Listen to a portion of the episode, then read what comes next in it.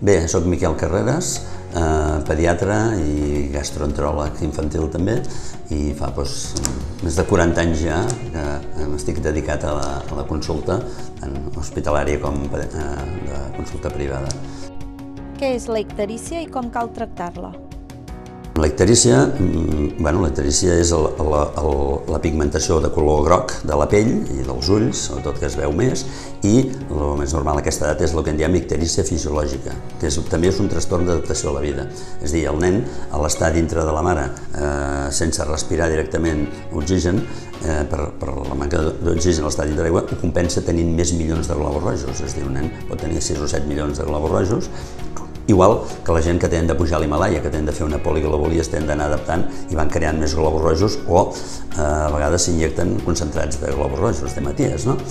Per, per la manca d'oxigen. Però al moment de néixer, doncs a vegades els primers dos o tres dies hi ha una destrucció massiva de dos, tres, a vegades de milions de globus rojos i tot això arriba amb el pigment d'hemoglobina al torrent sanguini, passa pel fetge, però hi ha una immaduresa per assimilar tot el que li arriba i fan aquesta pigmentació groga, icterícia fisiològica, icterícia d'adaptació que se'n diu, eh? i que això mm, normalment doncs, eh, pot durar dos o tres setmanes i fins al mes de vida pràcticament.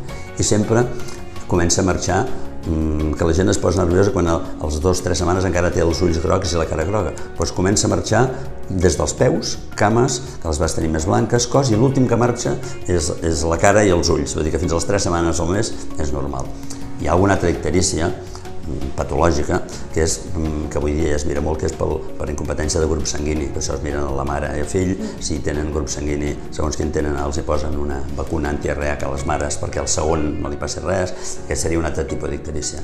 I després hi ha casos raros patològics, però que un cas cada mil es pot aparèixer, que és una, eh, és una genèsia obstrucció de les vies biliars, i que això és una cosa quirúrgica i que és greu i que es té de detectar un nen que, que al mes de vida dos mesos continua fent les caques blanques de color, eh, que vol dir que no hi ha pas de és una icterícia que va augmentant aquesta.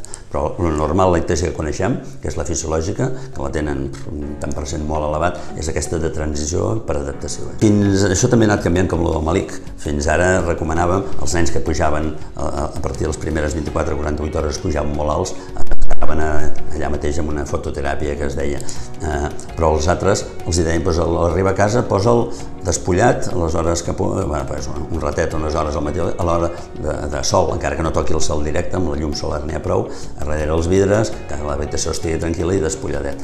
Però mm, hi ha també molts estudis que, que no interfereix tant i que a la majoria de llocs ja no recomanen ni posar-los al sol tampoc. Ja. Per què els bebès estornuden i tenen cinglot de forma continuada? Tots els, els nens, tot el que els hi passa al principi, jo els dic que és trastorns d'adaptació a la vida. I tu tens un nen que, que veus que estàs dintre d'una peixera amb aigua, que no has respirat, no has, ja no has tingut de fer una sèrie de bonjons, i a la, que, a la que neixes, que tu no respires mai, només amb els canvis de, de quilòmetres de temperatura, d'ambient, a la sala de parts a vegades esternuden, i no vol dir que estiguin constipats. Els ternuts en fan des del néixer pràcticament, i és per això, és per l'adaptació a la vida.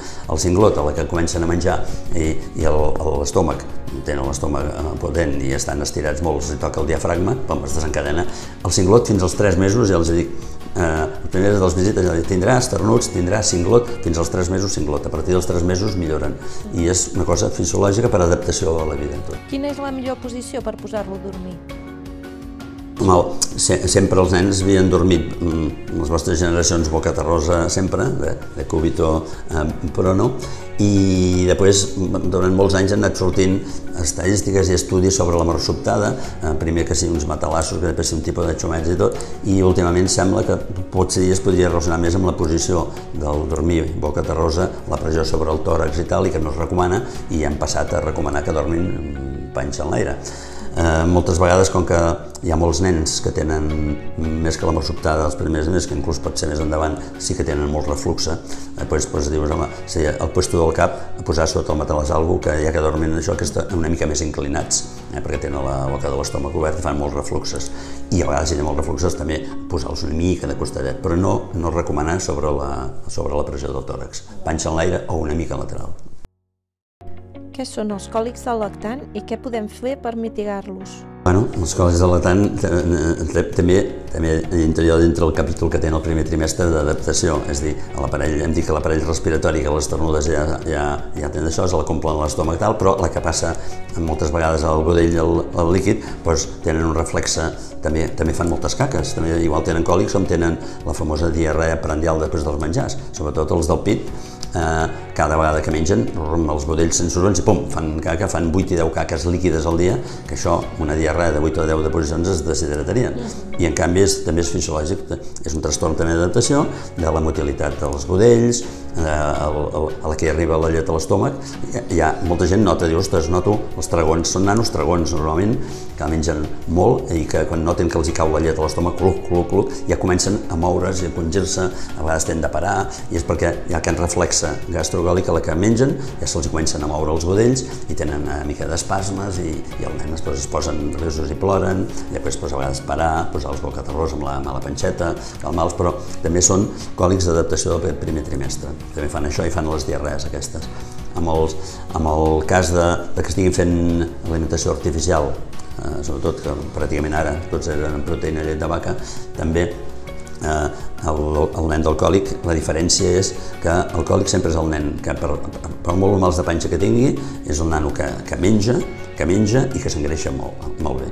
El nen que plora, que està irritable de menjar, però que rebutja el menjar i s'estanca de pes, això ja no és alcohòlic, ja pot ser una intolerància a la proteïna de vaca, tant pot ser molts de lactància materna.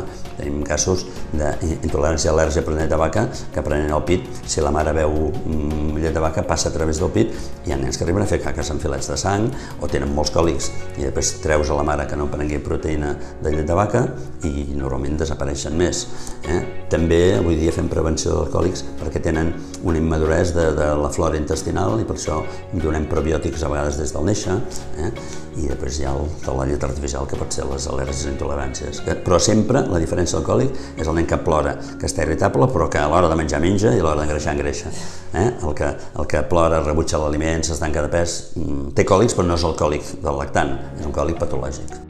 Què els hi diries als pares novells? Els pares novells, el diria sobretot que, bueno, és que el pare novell jo crec que totes aquestes coses, tant el, el, el, la zona perinatal, el, quan neixen, o les infermeres o pericultores, o la primera visita al pediatre, se'ls té de parlar de tot això.